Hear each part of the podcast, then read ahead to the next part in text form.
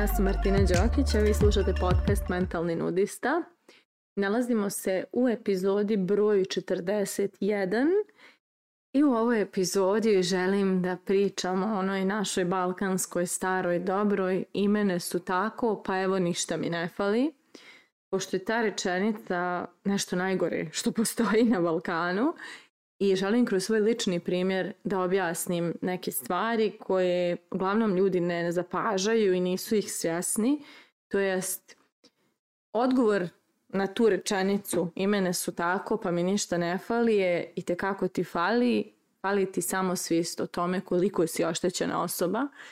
zato što mnogo, mislim,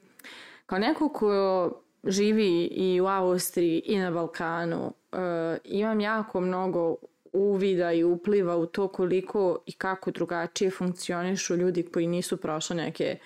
užasne periode koje smo mi na Balkanu i koji su odrasli u nekim zemljama koje su ili konstruktivnije, više njegujuće prema svojim ljudima, u sistemima koji čuvaju leđa ljudi, u porodicama koje se nisu bavile egzist, egzistencijalnim pitanjima, borbama i preživljavanjima.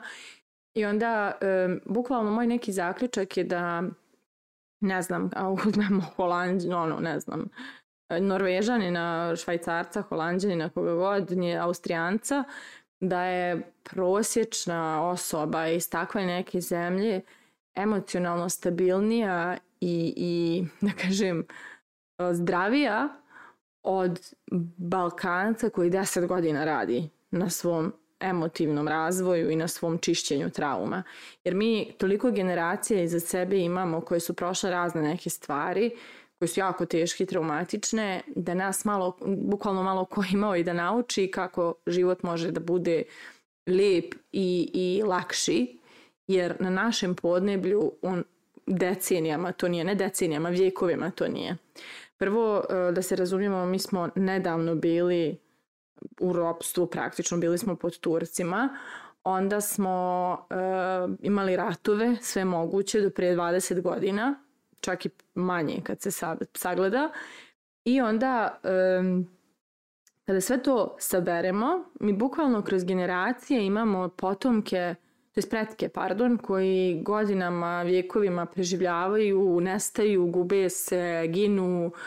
nose toliko nezalečenih stvari koje samo prenose dalje na nove generacije i onda te nove generacije prenose, prenose dalje na svoju djecu i to je sve nekako i stiglo do nas. Dakle, da ovako pojasnim kroz primjer. Ako naš deda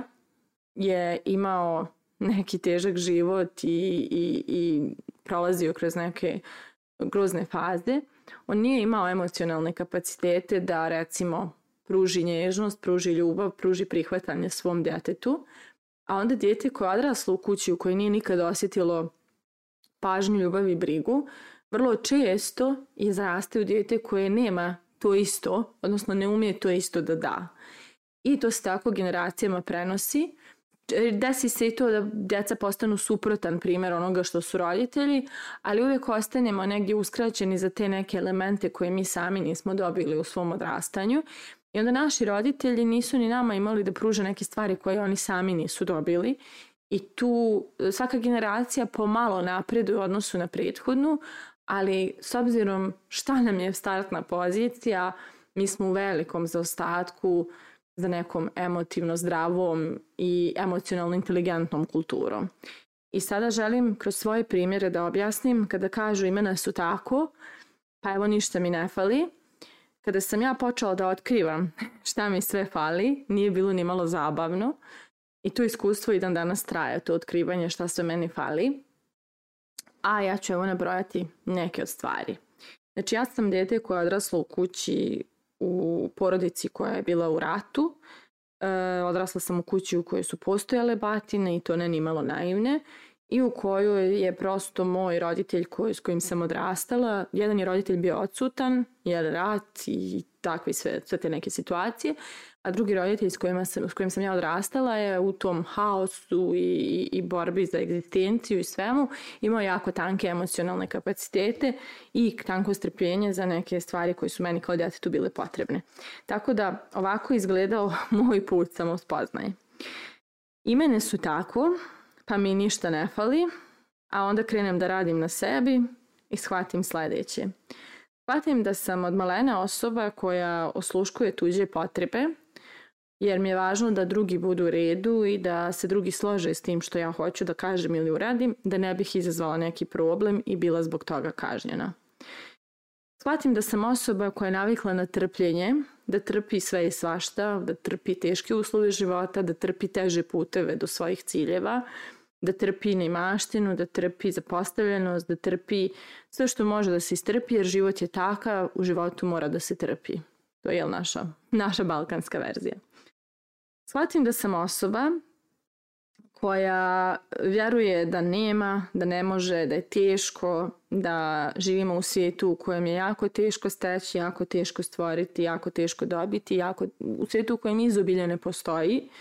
jer to je bila verzija svijeta u mojoj kući. Shvatim da sam osoba koja je imala strah od odluka, zato što sam odrasla sa rečanicom zato što ja tako kažem, a pošto ja ne znam šta stoji iza te odluke koja mi je rečena, ja onda ne znam na osnovu čega se odluke donose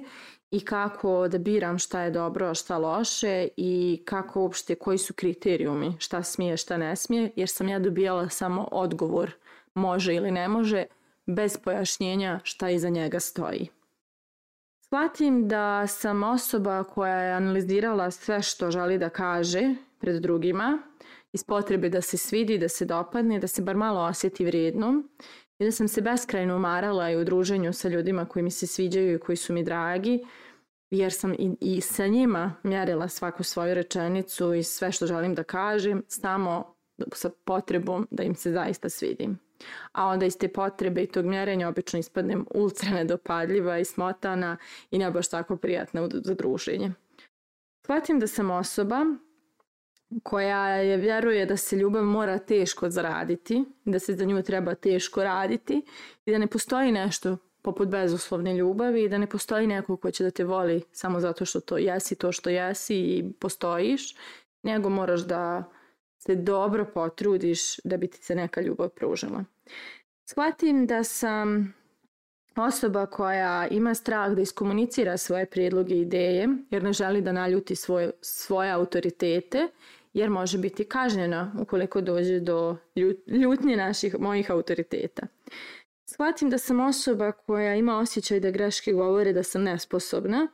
i zato se panično plašim grešaka da ne bih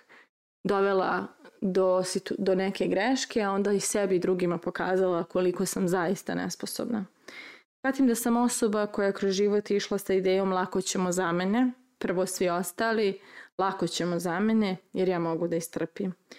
Shvatim da sam osoba koja se od malena zaljubljivala u svakog u koga je stigla, bez ikakvih kriterijuma, samo iz potrebe da sa nekim stvori svoje pleme i taj osjećaj da negdje pripada.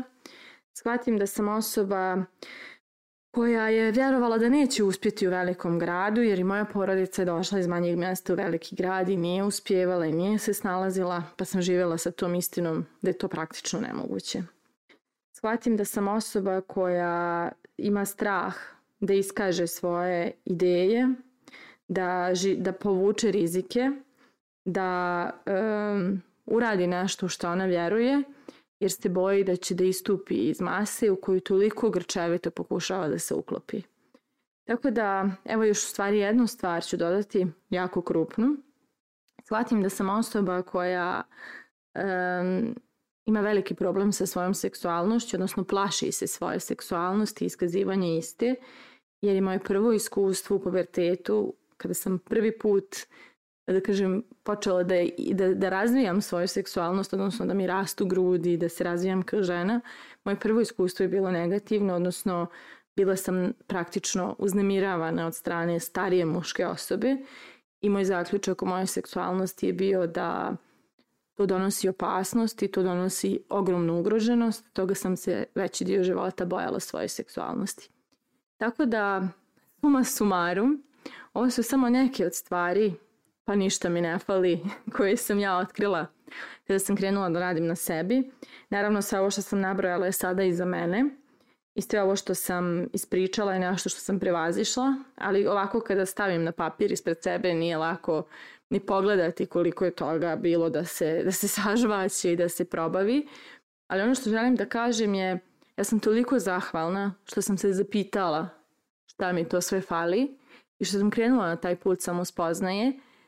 jer obezbijedala sam sebi život koji nikad ne bih mogla da sam se zadržala u ovim vjerovanjima. Stvorila sam sebi emocije koje nikada ne bih mogla da nisam čistila ove stare i teške i stvorila sam verziju svijeta u kojem živim koji je bezgranično ljepši od tog svijeta u kojem sam ja odrasla i na koji sam naučena. Tako da važno je zapitati se šta nam fali i važno je to isto što otkrijemo i počistiti. Tako da moje pitanje na kraju ove epizode je umijete li da se zapitate povremeno šta vam fali ili ste uvjereni da je sasvim, sasvim sve ok. Jer ako živite ovu drugu verziju da je sve sasvim ok, možda zaista uskraćujete sebe za jedan predivan novi svijet koji ne uspjevate da vidite iz te perspektive. Mislite o tome, a mi se družimo u narednoj epizodi.